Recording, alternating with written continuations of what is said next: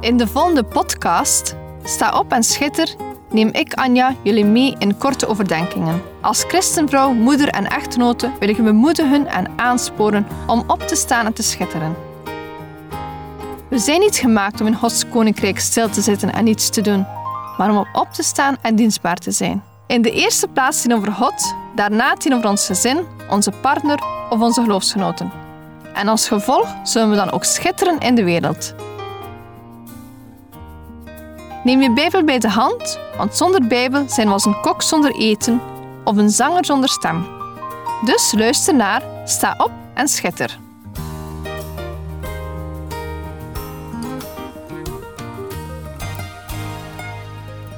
We staan aan het einde van het jaar.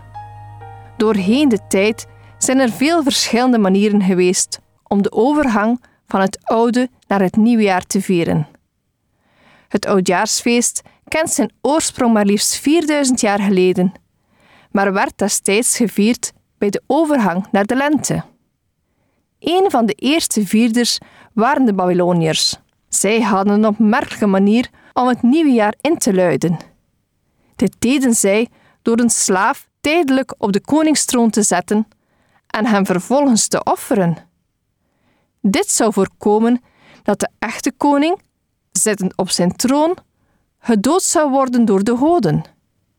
Ook de Romeinen vierden het feest met het brengen van offers, namelijk aan de god Janus. Tot in het jaar 46 vierden de Romeinen, net als de Babyloniërs, het nieuwe jaar aan het begin van de lente. In dit jaar echter stelde Julius Caesar vast dat het nieuwe jaar voortaan op 1 januari zou starten. Het jaar 46 kan daarom worden gezien als de start van de westerse traditie om 1 januari als eerste dag van het jaar te beschouwen. Het huidige oudjaarsfeest lijkt meer op dat van de Harmanen. Zij maakten ter viering van het nieuwe jaar grote vuren, offerden dieren, aten en dronken in overvloed. De dranken waren ook in die tijd al voorzien van alcohol.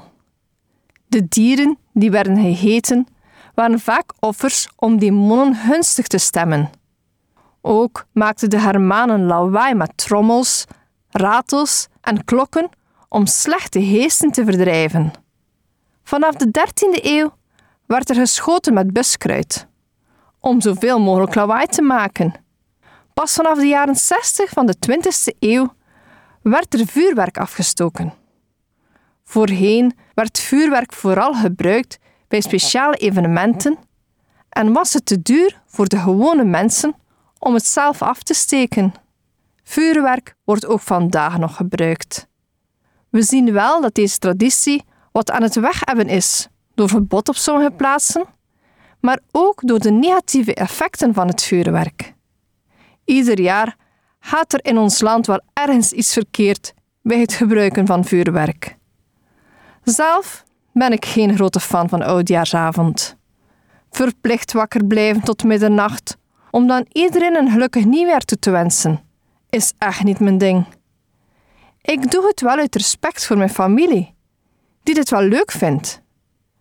Ik stond erbij stil dat dit feest geen bijbelse grondslag heeft. Dat wil natuurlijk niet zeggen dat het feest onbijbels is. De Joden werd verteld om speciale gebeurtenissen te vieren. En wij hebben de vrijheid om hetzelfde te doen. Het is wel belangrijk om op zo'n avond Jezus te vertegenwoordigen. Willen we niet iedereen een jaar toewensen met de zegen van God, de redding toewensen en het eeuwig leven? Van oud naar nieuw. Misschien wel een goed idee om een nieuwe start te maken in je Bijbel of een bepaalde zonde vaarwel te zeggen. Ik las in een artikel dat vroeger in veel Nederlandse gezinnen Psalm 90 werd voorgelezen, net voordat de klok middernacht sloeg. Psalm 90 wordt dan ook wel eens de oudjaarspsalm genoemd. Ik ga hem voorlezen uit de Bijbel in gewone taal. Psalm 90. Een gebed van Mozes de profeet. Heer, bij u zijn we veilig elke generatie weer. God, u bent er altijd geweest. U was er eerder dan de bergen, al voordat de aarde bestond. U was er al voordat alles begon en u zult er altijd zijn. U laat de mensen sterven, u laat ze weer tot stof vergaan. Voor u is duizend jaar niet meer dan één dag, niet meer dan vandaag of gisteren, of een paar uur in de nacht. U maakt zomaar een eind aan ons leven. Het gaat zo snel voorbij als een droom. Het is net als gras dat verdwijnt. Het gras komt s morgens op, het groeit en bloeit, maar s'avonds verdort het. We sterven door uw woede. We verdwijnen omdat u boos op ons bent. U ziet alles wat verkeerd doen. U kent ons diepste geheimen. Door uw woede komt er een eind aan ons leven. Het gaat voorbij als een zucht. Ons leven duurt maar 70 jaar. Of 80 jaar als we sterk zijn. En alles wat we doen is moeilijk en zwaar. Het leven is zo voorbij en dan zijn we verdwenen. Wij begrijpen niet hoe groot uw woede is. Daarom hebben we nooit genoeg eerbied voor u. Leer ons blij te zijn met elke dag, zodat we wijze mensen worden. Kom weer bij ons, Heer. Heb medelijden met ons. Laat ons niet langer wachten. Laat ons elke ochtend uw liefde zien. Dan zullen we voor u juichen en zingen, elke dag weer. U hebt ons veel laten lijden. Geef ons nu veel vreugde, zodat we al die ellendige jaren vergeten. Laat ons weer zien wat u voor ons doet. Laat onze kinderen zien hoe machtig u bent. Heer, onze God, laat ons zien hoe goed u bent. Help ons bij wat we doen. Ja, help ons bij alles wat we doen. Wat een sombere psalm om te lezen op een feest. De mens moet het doen met 70 tot 80 jaar en dit als het leven je goed meezit. Ons leven wordt vergeleken met opschietend gras dat in de morgen ontkiemt. Overdag staat het te stralen op het veld, maar s'avonds is het al verwelkt en verdord. Zo zijn we, verhankelijk, sterfelijk, van voorbijgaande aard. We zijn geschapen uit stof en keren ook zo terug. Verder gaat de psalm over moeite, verdriet en Gods toorn over zonde. Mijn eerste indruk over deze psalm is zeer negatief. Maar bij het verder bestuderen moet ik toch toegeven dat het een mooie psalm is om te lezen bij de jaarwisseling. Even onszelf toetsen met Gods woord. Is er nog zonde in ons leven? Leer ons onze dagen te tellen. Dat is wat psalmist bidt. Ik heb deze week mijn dagen geteld Letterlijk. Je hebt daar handen hulpmiddelen voor online. Je moet gewoon je geboortedatum invoeren en het programma berekent precies hoeveel dagen je tot nu toe hebt geleefd. Voor mij staat de teller vandaag op precies 16.875 dagen, ofwel 2410,71 weken, ofwel 554,43 maanden. Een leuk weetje, maar met deze cijfers kan je niet zoveel. Deze cijfers liggen in het verleden. Je kan aan deze periode niets meer veranderen. Je kan natuurlijk ook anders tellen. Je kunt in plaats van je dagen optellen ook aftellen.